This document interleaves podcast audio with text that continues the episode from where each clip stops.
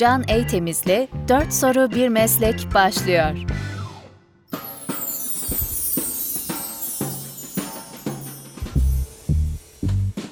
Merhaba, ben Can Eytemiz. Dört ana soru başlığı altında konuğumu ve mesleğini tanıyacağımız Dört Soru Bir Mesleğe hoş geldiniz. Bu bölümde konuğum kendisini tanımaktan son derece mutluluk duyduğum klasik batı müziği ve Türk müziği alanında eserler seslendirmiş, ülkemizin önemli sopranolarından değerli Selva Erdener.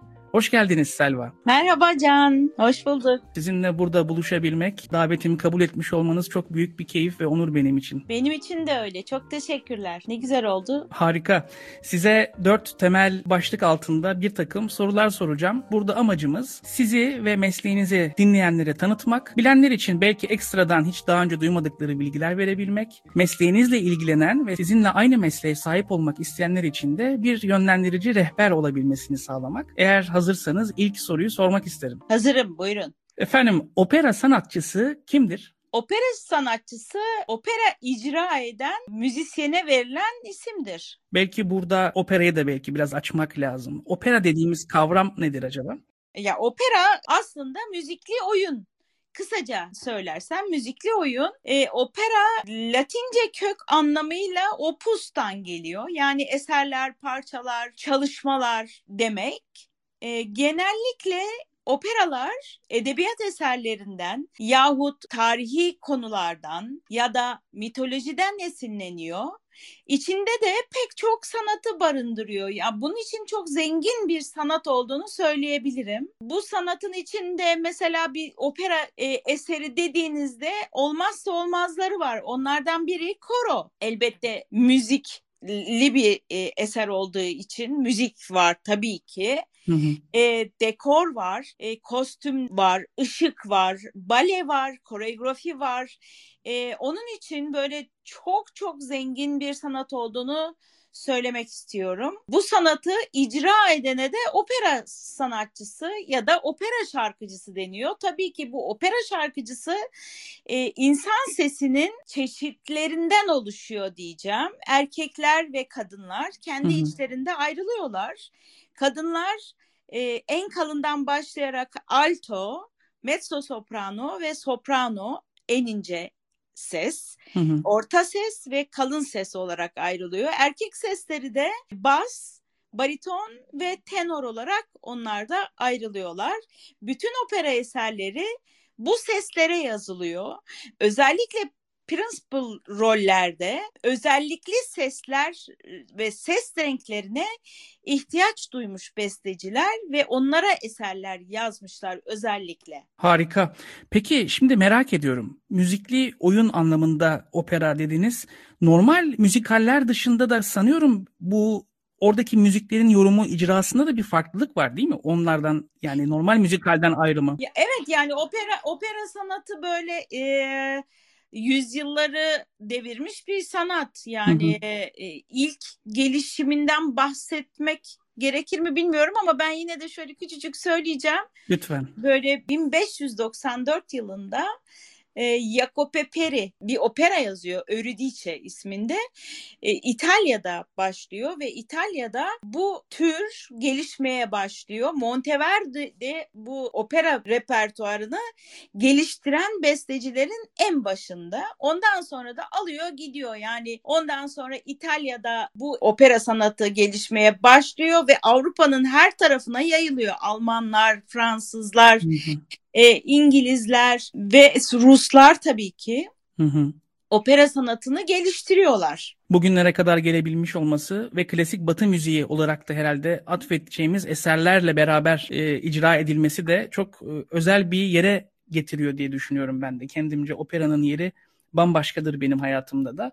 Ee, az önce bazı seslerden bahsettiniz. Yani siz de mesela bir kadın sesinin olabileceği en incelerden soprano sesine sahipsiniz. Peki diyelim ki eşimin, kızımın ya da kardeşimin, ablamın sesi güzel. E, bu seslerden hangisine sahip olduğunu nasıl anlıyoruz? Şimdi Can öncelikle bu işte tabii ki eğitim olmazsa olmazı. Sadece bir sese sahip olman yetmiyor e, opera sanatını icra etmek için. E, bir eğitim alman gerekiyor ve bu eğitim aslında çok uzun zaman alıyor. Biz mesela bir tıp öğrencisi kadar okuduk yani 6 sene e, eğitimini aldık. Bayağı fazla. Ama bu da yeterli değil.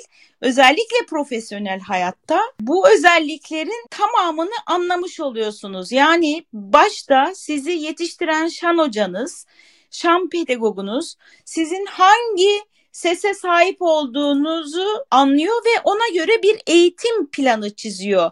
Bir kariyer planı çiziyor aslında. Ve konservatuara ilk girdiğinizde e, sizin sesiniz belli özellikler taşıyor ve bu Hı hı. özellikleri taşıyan sesiniz sizin nasıl bir yolda gideceğinizi belirlemiş oluyor. Yani diyelim ki soprano bir sese sahipsiniz. E, bu soprano sesiniz aslında ilk şan hocanız tarafından tespit edilmesi gerekiyor. Yani sen sopranosun, sen bir tenorsun, sen bir baritonsun.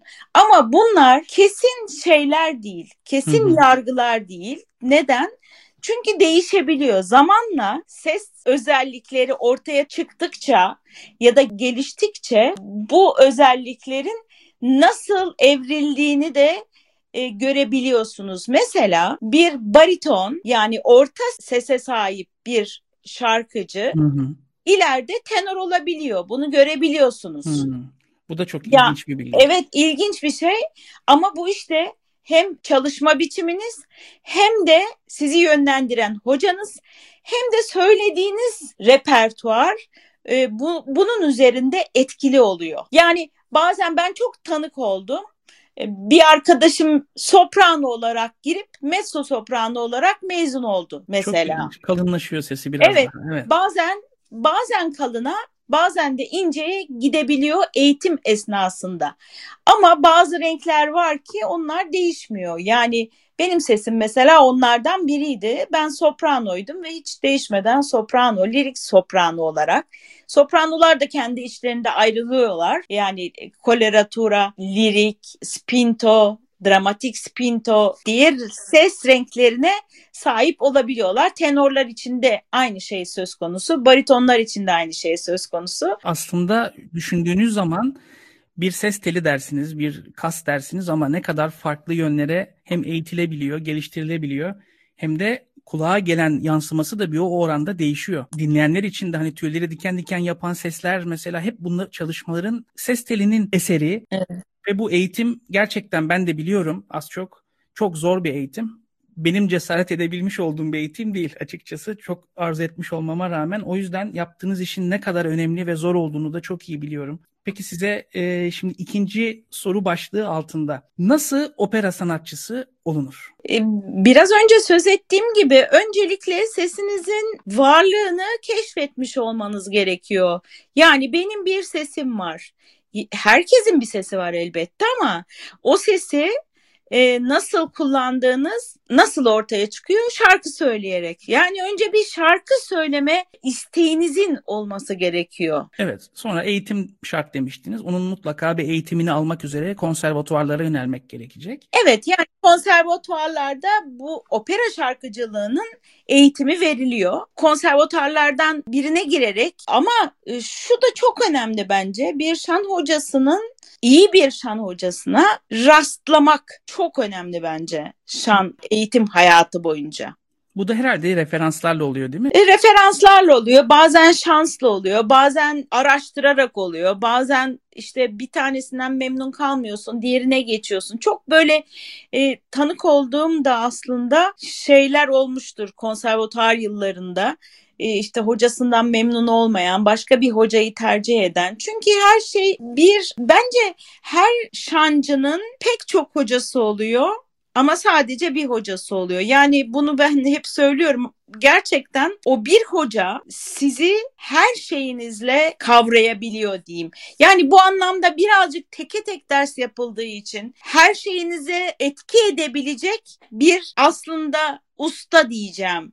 Çünkü hani sadece böyle şan hocası, pedagog demem yeterli olmuyor. Aslında usta çırak ilişkisi bizim mesleğimizde gerçekten önemli bir konu. Bir de tabii opera sanatçılarının ayrıca teatral yönden de değil mi bir oyunculuk anlamında da da belli bir seviyede yeteneğe sahip olmaları temelde aranır öyle değil mi? Evet çok çok çok özellik gerekiyor. Sahne üzeri suplesinin çok yüksek olması gerekiyor. Elbette ki eğitimini sahne üzeri eğitimini yani teatral açıdan e, onu da alıyoruz opera şarkıcıları hı hı. opera eğitiminde ama sahneye çıkmadan da bu eğitimin ne işe yaradığını anlamıyorsunuz. Ancak sahnede yani opera söylediğinizde o işin sırrına eriyorsunuz. Çok zor bir iş aslında. Onun için böyle profesyonel eğer şarkıcıysanız sahne üzerinde olmanız bence en önemli şey. Ve çok da zor bir şey bir dönem tiyatro ile ilgilenmiştim. Bırakın evet. oyunculuğu o anda replik düşünmekten mesela oyunculuk yapmak çok zor. Ya da oyunculuğa harekete önem veriyorsanız repliği hatırlamak var. Ya arkanda her zaman bir göz olması gerekiyor. Yani evet. çünkü sahne büyük. E, orkestra ile aranda her zaman bir mesafe var. Müzik biraz daha geç geliyor.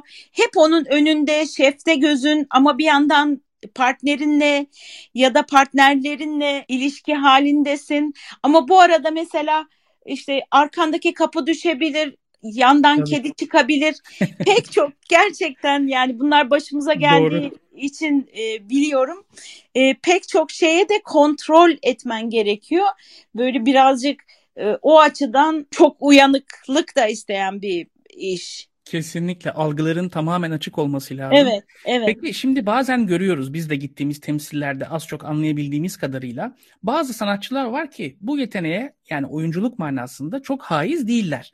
Şimdi ama diyelim ki müthiş bir ses, son derece güçlü bir ses, herkesce aranan bir yetenek ama oyunculuk yönü zayıf. Bunun için yapılabilecek bir şey var mı? Ee, yani bir rejisörün bir dokunuşu ya da herhangi bir yöntem var mıdır? Yüzyılın başında opera şarkıcılarından e, çok iyi bir oyuncu olması beklenmiyormuş. Hmm. Ses ve gırtlak özellikleri ve müzikalitesi yeterli olabiliyormuş. Yani pek çok örnek var sadece durup şarkı söyleyen. Ama hmm. e, günümüzde artık iyi oyuncu olmayan bir şarkıcıyı da e, opera şarkıcısı olarak kabul etmek mümkün değil. Onun için mutlaka iyi bir oyuncu olması da gerekiyor. Ama e, rejiler aslında opera rejileri bu konudaki en önemli şeyler ve rejisörler. Çünkü kurdukları, hayal ettikleri opera rejilerinde oyuncuyu nasıl görmek istediklerini belirlemiş iyi rejisörler karşısında hiçbir zaman ben ne yapacağım sorusunu sormuyorsun. Bir anlamda teslim oluyorsun eğer iyi bir rejisörse ama bu konuda da e, her zaman çok iyi bir rejisörle karşılaşmak çok mümkün olmaya da biliyor. O zaman da kendi bilgini, birikimini, yeteneğini sonuna kadar kullan kullanmak zorunda kalıyorsun. Rejisör dediğimiz burada yönetmen diyebiliriz aslında değil mi? Bir farklı evet, manada. Operadaki yönetmen, rejisör olarak. Opera rejisörleri yani opera yönetmenleri diyebiliriz. Bu arada aklıma şu geldi. Bir film vardı bilmiyorum izlediniz mi? Ee, Woody Allen'ın yönetmenliğinde ve kendisi de içinde oynar. Roma'ya sevgilerle Türkçesi. Ee, bu filmde bir tenor var. Fakat normal şartlarda tenor değil. Hatta yanlış hatırlamıyorsam cenaze evinde e, çalışıyor. Fakat bir gün Woody Allen o da bir organizatör ya da bir empresario diyebilirim. Bir eve gidiyor İtalya'da. Bu adamın evi. Adam duşa giriyor. işten geldim diyor. İşte bir elimi, başımı, yüzümü yıkayayım. Duşa giriyor evet. ama aman Allah'ım bir Arya izlediniz mi filmi bilmiyorum. Evet izledim. izledim izledim. Aklıma o geliyor ama adam nasıl duştan çıktığı zaman en ufak bir e, performans sergileyemiyor. Alıyor götürüyor bu Dale'ın. İzlemeyenler için çok kısaca özetlemiş olayım. Ünlü opera rejisörlerinin karşısına çıkartıyor. Bakın diyor müthiş bir yetenek ama adam hiçbir şey söyleyemiyor. Orada hatırlarsınız hemen bir yöntem bulmuşlardı. Bir duşa kabin tekerlekli. ya çok net hatırlıyorum ya. Adam sadece duşa kabinde söylediği için bütün bir dünya turunu duşa kabinli yaptırmıştı. İşte iyi improvisario bu demektir yani. O Kesinlikle. elindeki malzemeyi nasıl en iyi performansı göstereceğini biliyor işte. Çok çok e, ironikti tabii. Woody Allen da müthiş bir zeka. Bunu evet. çok değişik bir şekilde ifade etmiş. Çok böyle evet. marjinal bir şekilde. Aklıma o geldi. Evet biraz yani... marjinal bir iş herhalde Can. Yani E, şimdi filmler deyince benim de şey geldi aklıma. Fellini'nin bir filmi vardı. Elena Veva ve gemi gidiyor diye. E, biraz eski bir film ama e, orada da bir gemide opera şarkıcıları var ve yani opera şarkıcılığını ve opera şarkıcılarının aslında nasıl ya egosantrik böyle sadece sesle yaşadıklarını gösteriyordu. O, o da çok çarpıcıydı benim için. İzlemediğim filmler. Biraz değişik değişik bir meslek. Yani gerçekten her şeyiyle farklı bir iş olduğunu söyleyebilirim. Kesinlikle. Bazen düşünüyorum yani ben nasıl yaptım, nasıl e, o opera şarkıcısı oldum diye ama o kadar küçüktüm ki bunu keşfettiğimde, kendi sesimi keşfettiğimde e, yanılmıyorsam böyle 5-6 yaşlarındaydım. Böyle iki katlı bir evimiz vardı. E, işte üst katta babaannemler, halamlar vardı. Ve ben e, o halamlara böyle e, cumartesi pazar yukarı çıkarken bağırmaya başlıyordum. Yani bu ama opera sesiyle bağırmaya başlıyordum. Yani böyle yapıyordum. Acayip bir şeydi. Ve nereden ben onu duydum? Nasıl o sesi keşfettim ve o, o sesin nasıl üzerine gittim hiç hatırlamıyorum. Ama inan ki konservatuara girdiğimde ilk girişim 16 yaşında o sesim vardı benim. Hatta hocalar dediler ki yani senin bu sesin nasıl var ders mi aldın? Ders almamıştım ama ben bayağı şan yapıyordum. Nasıl olduğunu bilmiyorum. Biraz doğadan o sese sahip olmak büyük bir avantaj oluyor. Ama yani bu avantaj tabii ki ilk başta bir avantaj. Sonrasında eğer çalışmazsan, ona gerekli özeni göstermezsen sana asla hizmet etmeyen bir şey ses. Tabii birçok kası sürekli çalıştırmak ve geliştirmek gerekiyor diye biliyorum. E, diyafram bunlardan biri herhalde. Doğru. Bayağı bir emek harcamak gerekiyor.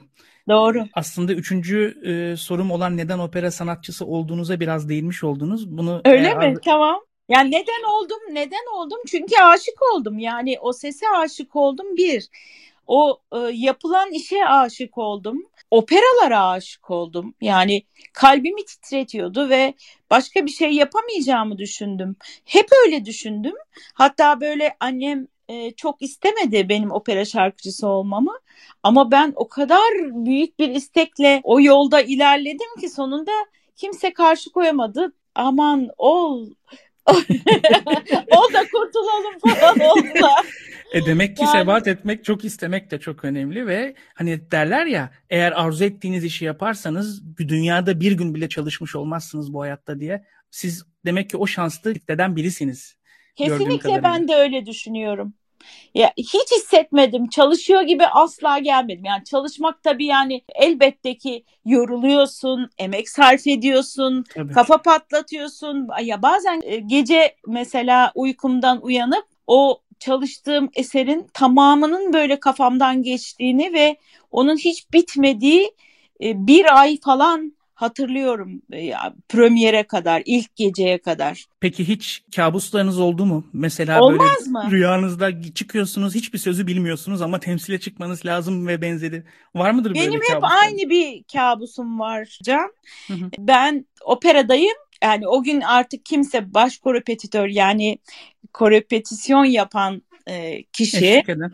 eşlik eden piyanist ya da orkestra şefi bana geliyor diyor ki işte mesela hiç bilmediğim bir eser. E, Selva diyor bu akşam sen söyleyeceksin bu eseri diyor. Ben de diyorum ki bilmiyorum ki ben bu eser. Olsun sen söylersin falan diye.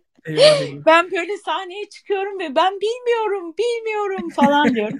Böyle çok uyandığım hatırlıyorum. Ee, Korkular e, demek işte bilinçaltınızda oluyor mutlaka. Tahmin edemiyorum yani ne kadar büyük bir kabus olabileceğini. Ha, gerçekten büyük kabustu. Allah'tan son yıllarda hiç görmüyorum yani o kabusu ama uzun zaman gördüm. Şimdi bir de tabii bu üçüncü soruda neden opera sanatçısı olduğunuzun yanında sizin aslında opera sanatçılığınızın yanında bir de şarkıcılığınız var. Evet. Ee, bir de Türk müziğine de hakimsiniz ve icra ediyorsunuz. Başta eşiniz Sayın Turgay Erdener'in besteleri olmak üzere. Albümleriniz var, şarkılarınız var. Bunlardan bahsetmeniz mümkün mü acaba biraz? Elbette. Türk müziği merakım aslında öğrencilik yıllarımda hiç bitmeden bir yandan da devam etti. Yani hem e, hani Alaturka dediğimiz şarkılarımız hem de türkülerimiz, halk türkülerimiz beni hep her zaman derinden etkilemişti. Ve böyle sadece opera söylemek istemiyordum yani yetmiyordu bir anlamda. Bizim bir hocamız vardı onun dersinde bir gün birinci sınıftaydım. Dedi ki işte Leyla Gencer neden Leyla Gencer oldu? Çünkü hiç bilinmeyen e, eserleri bir repertuarı ortaya çıkardı ve o o repertuarla ünlendi demişti. Hı-hı. Böyle kafamda birden bir lamba yanmış olabilir. Ee, ama bunu hiç unutmadığıma göre gerçekten etkilenmişim. Dedim ki yani ben e, şimdi opera söyleyerek sadece opera söyleyerek yeni bir şey yapmış olmayacağım. Hı hı. Yeni bir şey yapmam gerekiyor demek demiştim. E, bu yeni bir şey yapma fikri ve isteği hiçbir zaman bitmedi. Tabii Turgay Erdener'le evliliğimiz, beraberliğimiz, onun güzel besteleri ve onlarla karşılaşmış olmam yeni bir şeyler yapmanın en iyi yoluydu. Turgay'ın şarkılarını önce ilk albümde Sen Sen Sen albümünde şarkıları ve de türkü uyarlamalarını söyledim. Sen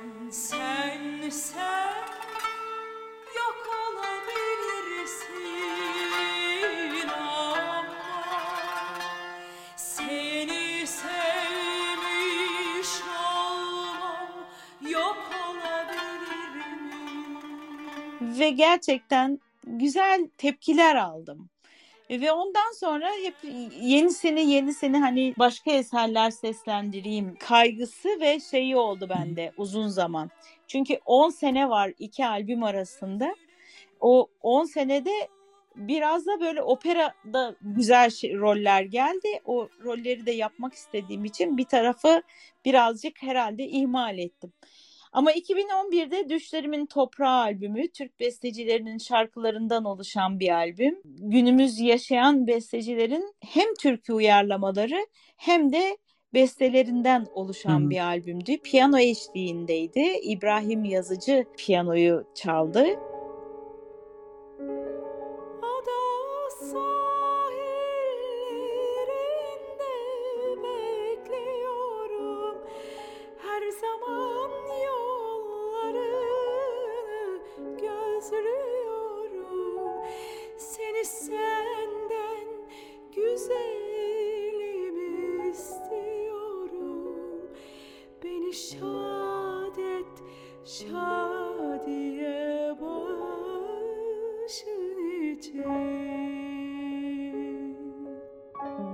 Ondan sonra 2013 yılında Nereye Aşkım yine Turgay'ın türkü uyarlamaları ve bestelerinden oluşan bir albüm. Geçer, değişir bir gün her şey. Geçer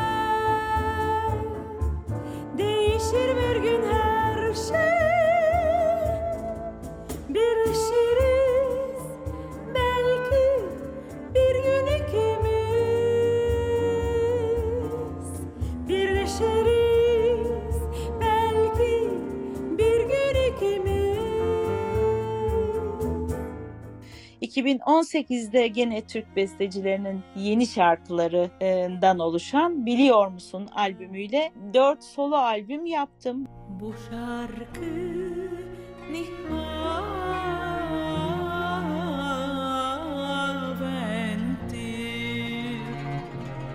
Bu şarkı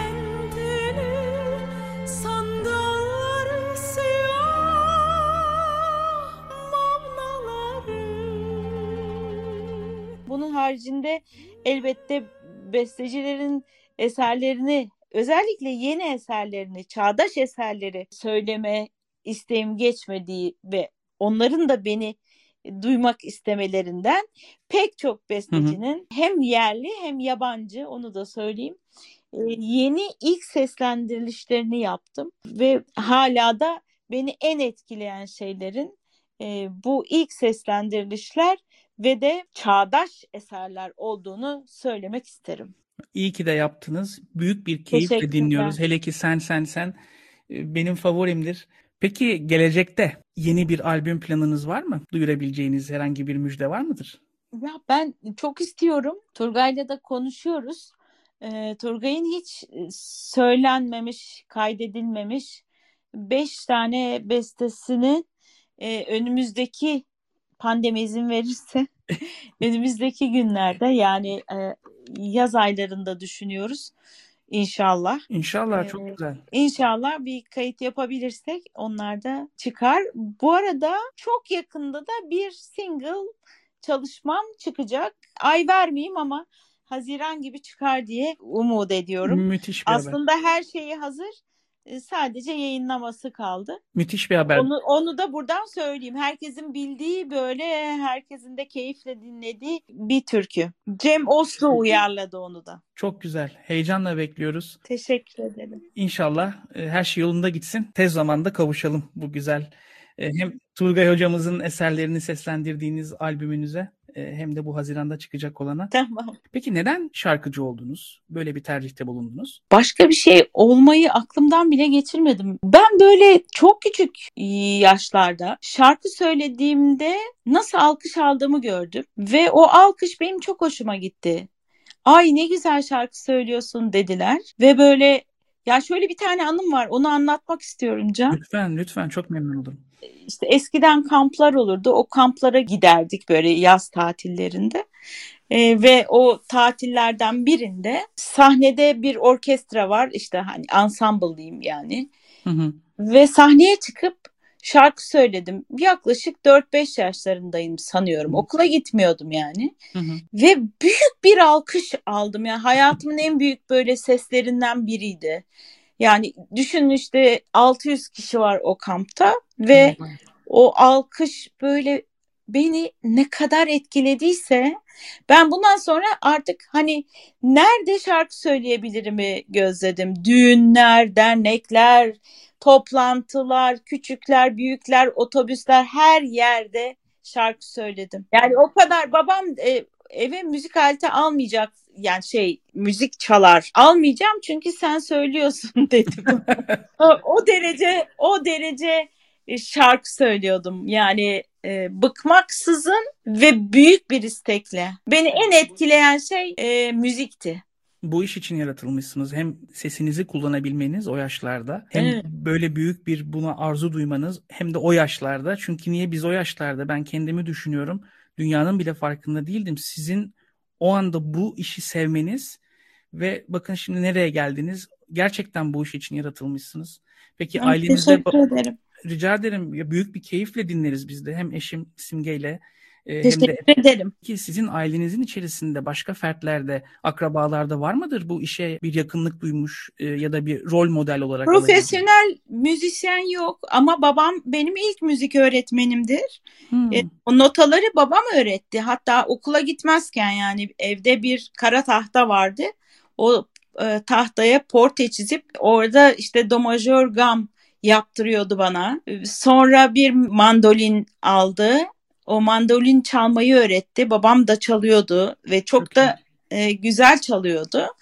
E, annem de çok güzel şarkı söylüyordu. İkisi de öğretmen. Ailemizde profesyonel bir müzisyen yoktu. E, hatta ilk ilk benim yani. Ama müzik sever bir aileden geldiğim kesin. Evet, o da çok önemli. E, çünkü ben de öyle. Onun da etkisi büyüktür diye tahmin ediyorum.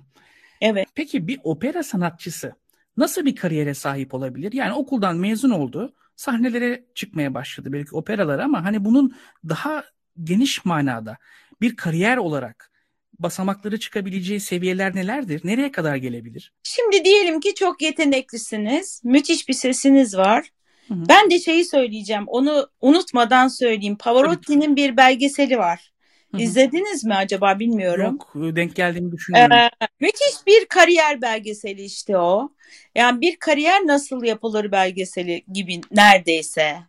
E, tabii ki Pavarotti'nin özel hayatı, tatlı kişiliği büyük bir şey katıyor ama bir yandan da bir opera şarkıcısı nasıl olunur sorusunun cevabını da orada göre, görebiliyorsun. E, elbette hani bizim ülkemizde bu sanatla ilgili kurulmuş önce ülkeden bahsedeyim yani kurumlar Tabii. var. Hı. Devlet Opera Balesi var. Devlet Opera Balesi'nin İzmir, İstanbul, Ankara, Samsun, Antalya'da opera sahneleri var. Tiyatro evleri var. Ve bu tiyatrolarda sahneye çıkma olanağı var. Elbette eğer sınavı geçip artık hani böyle ben geldim bir şeyler söyleyeceğim gibi olmuyor da Hı hı. e, az açılan kadro sınavlarını da ya da sözleşmeli personel sınavını başarıyla tamamlayıp operaya girmeniz söz konusu olabiliyor.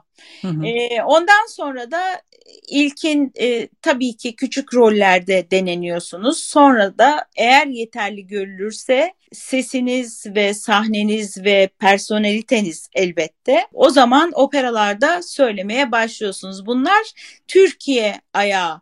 Eğer ben dünyada star olmak istiyorum, bir dünya kariyeri yapmak istiyorum diyorsanız o zaman mutlaka yurt dışında bu tabii ki operanın en iyi yapıldığı, doğduğu yer olan İtalya, Almanya, İngiltere ve Amerika tabii ki şimdi ve Hı hı. tabii ki Rusya. Ee, bu ülkelerde operaya çıkmak için gene aslında her zaman karşınıza çıkan sınavlar oluyor. Yani şöyle oluyor. Siz bir kast ajansına başvuruyorsunuz. Beni dinler misiniz diyorsunuz. Yahut opera evlerine başvuruyorsunuz. İşte benim şöyle bir rollerim var. Bu kadar rolü söyleyebiliyorum.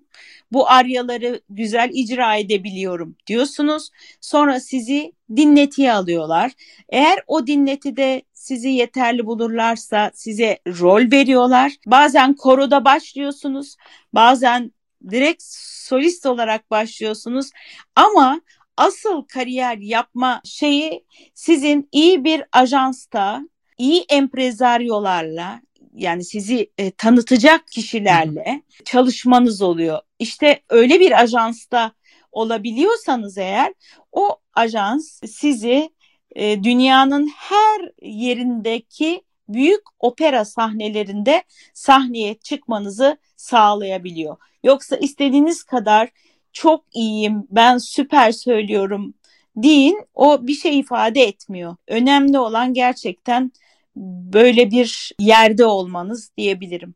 Biraz da şans tabii o her belki e, yetenek, sanat gerektiren işlerde olduğu gibi şans da burada önemli bir faktör o halde. Yani şans tabii ki çok önemli ama aslında bir opera şarkıcısının böyle karakteri de çok önemli. Yani biraz daha farklı bir yapı istiyor. Sosyal açıdan söylüyorum. Hı hı. Şimdi bir de tabii yaşam ve hayatı hazır bir opera sanatçısının disiplininden, karakterinden bahsetmişken benim karşılaştığım en büyük zorluk çevremdeki opera sanatçılarında o seslerini koruyabilme yetenekleri. Yani soğuk bir şey içmedeki sıkıntılar, yani o ses tellerini o profesyonel hayatları boyunca koruyorlar. Hatta sanıyorum bazı yemek diyetleri bilhassa temsil öncesi değil mi? Bu şekilde bir böyle sporcu gibi olmasa da belli bir disiplinde bir hayat sürmeleri sanıyorum gerekiyor. Seslerine zarar verecek bağırmalardan kaçınmak.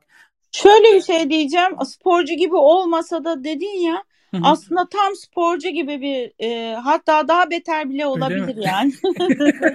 o bayağı o zaman. yani özellikle sizi strese sokan sizin için birazcık daha zor gibi düşündüğünüz eser prodüksiyonlarında e, bir kampa girmeniz şart oluyor. Hem yediğiniz, hem uykunuz, hem içtiğiniz, hem duygusal dünyanız, hem ilişkileriniz aslında böyle birebir etkileniyor diyebilirim. Normal hayattan çıkıyorsunuz.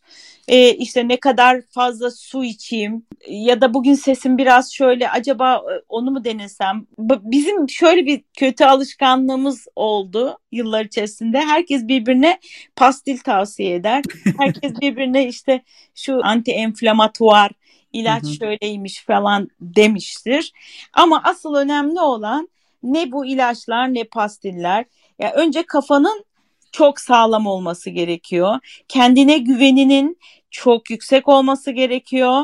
E, bedenine iyi bakmış, o vücuduna gerçekten farkında olmak gerekiyor.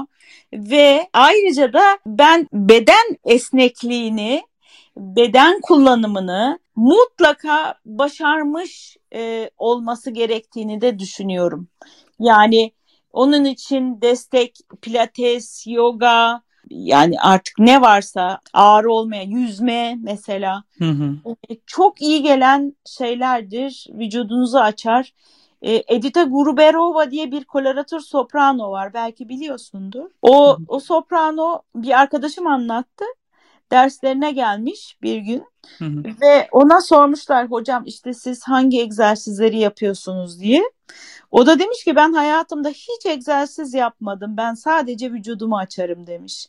Hı. Onun için vücut e, esnekliği bence de yani çok çok önemli e, şanda. İkincisi de kafanın e, açıklığı ve rahatlığı.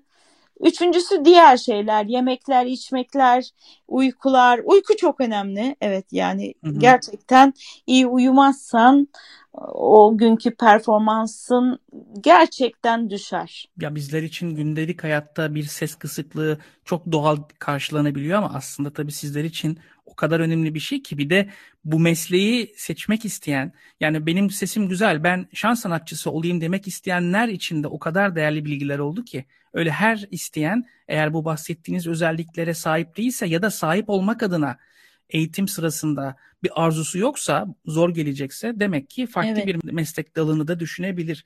O yüzden çok değerli gerçekten bu disiplin bir işi layığıyla yapmak aslında burada önemli. Hangi işi seçerseniz seçin. Bu söyledikleriniz mesela benim göze alabileceğim şeyler değil açıkçası. Tekrardan takdir ettim sizi bir başka Ya manada da. bir yandan da ya bu hani gö- göze alıyorum ben bu işi e, demekle de olmuyor. Şöyle oluyor.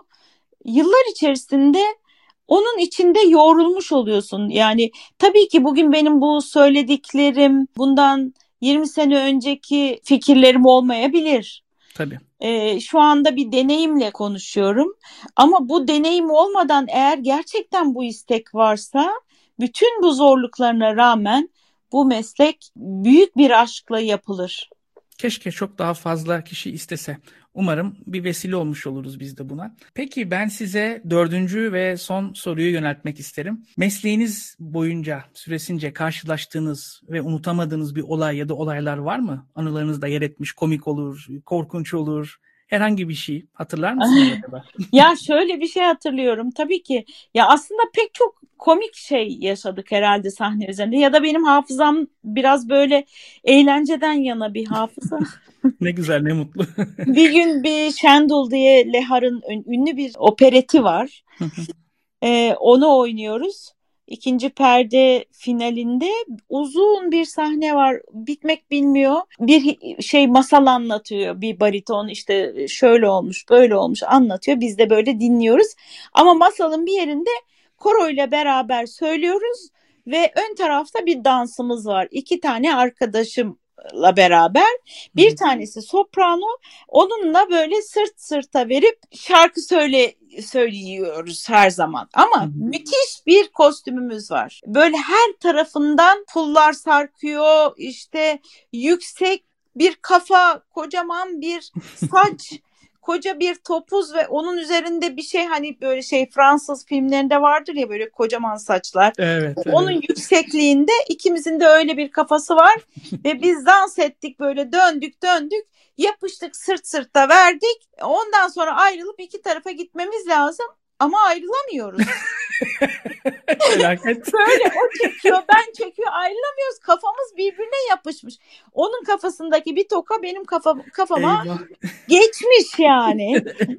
Ve böyle kafayı böyle çekmeye çalışıyoruz.